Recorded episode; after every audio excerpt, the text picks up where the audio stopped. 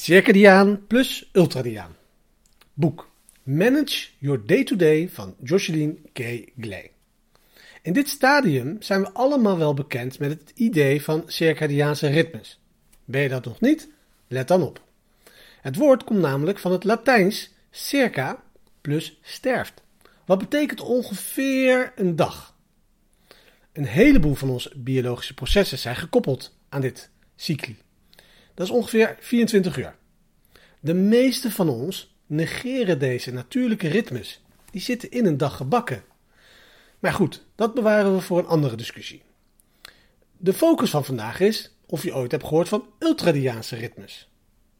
Ultra betekent verder en ultradiaan is een woord dat je in de jaren 60 hebt gehoord. Het is bedacht en betekent eigenlijk voorbij de frequentie van circadiaanse ritmes. Wat dus vaker dan elke 24 uur betekent.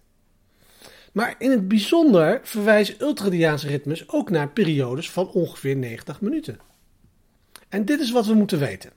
Onderzoek toont aan dat onze bovengrens voor topprestaties in een bepaalde burst ongeveer 90 minuten is. Na 90 minuten zonder een pauze begint de kwaliteit van onze prestatie af te nemen. En natuurlijk kunnen we voorbij dit punt komen. Via koffie, suiker hè, of door onze eigen stresshormonen aan te zetten. Maar we doen er veel wijzer aan om de natuurlijke limiet te herkennen en gewoon op tijd de pauze te nemen. We moeten weten dat wanneer we onze ultradiaanse ritmes negeren, we ervaren wat onderzoekers uithoudingsstress heet. Doe dat vaak genoeg en bereid je voor op chronische vermoeidheid en depressie, die gaan mee met de verminderende prestatie. De microles van vandaag is kap je werk af na maximaal 90 minuten. Neem dan een pauze van 15 tot 20 minuten. En onthoud, niet alle pauzes zijn van dezelfde kwaliteit gemaakt. Als je een pauze neemt, neem dan een echte pauze.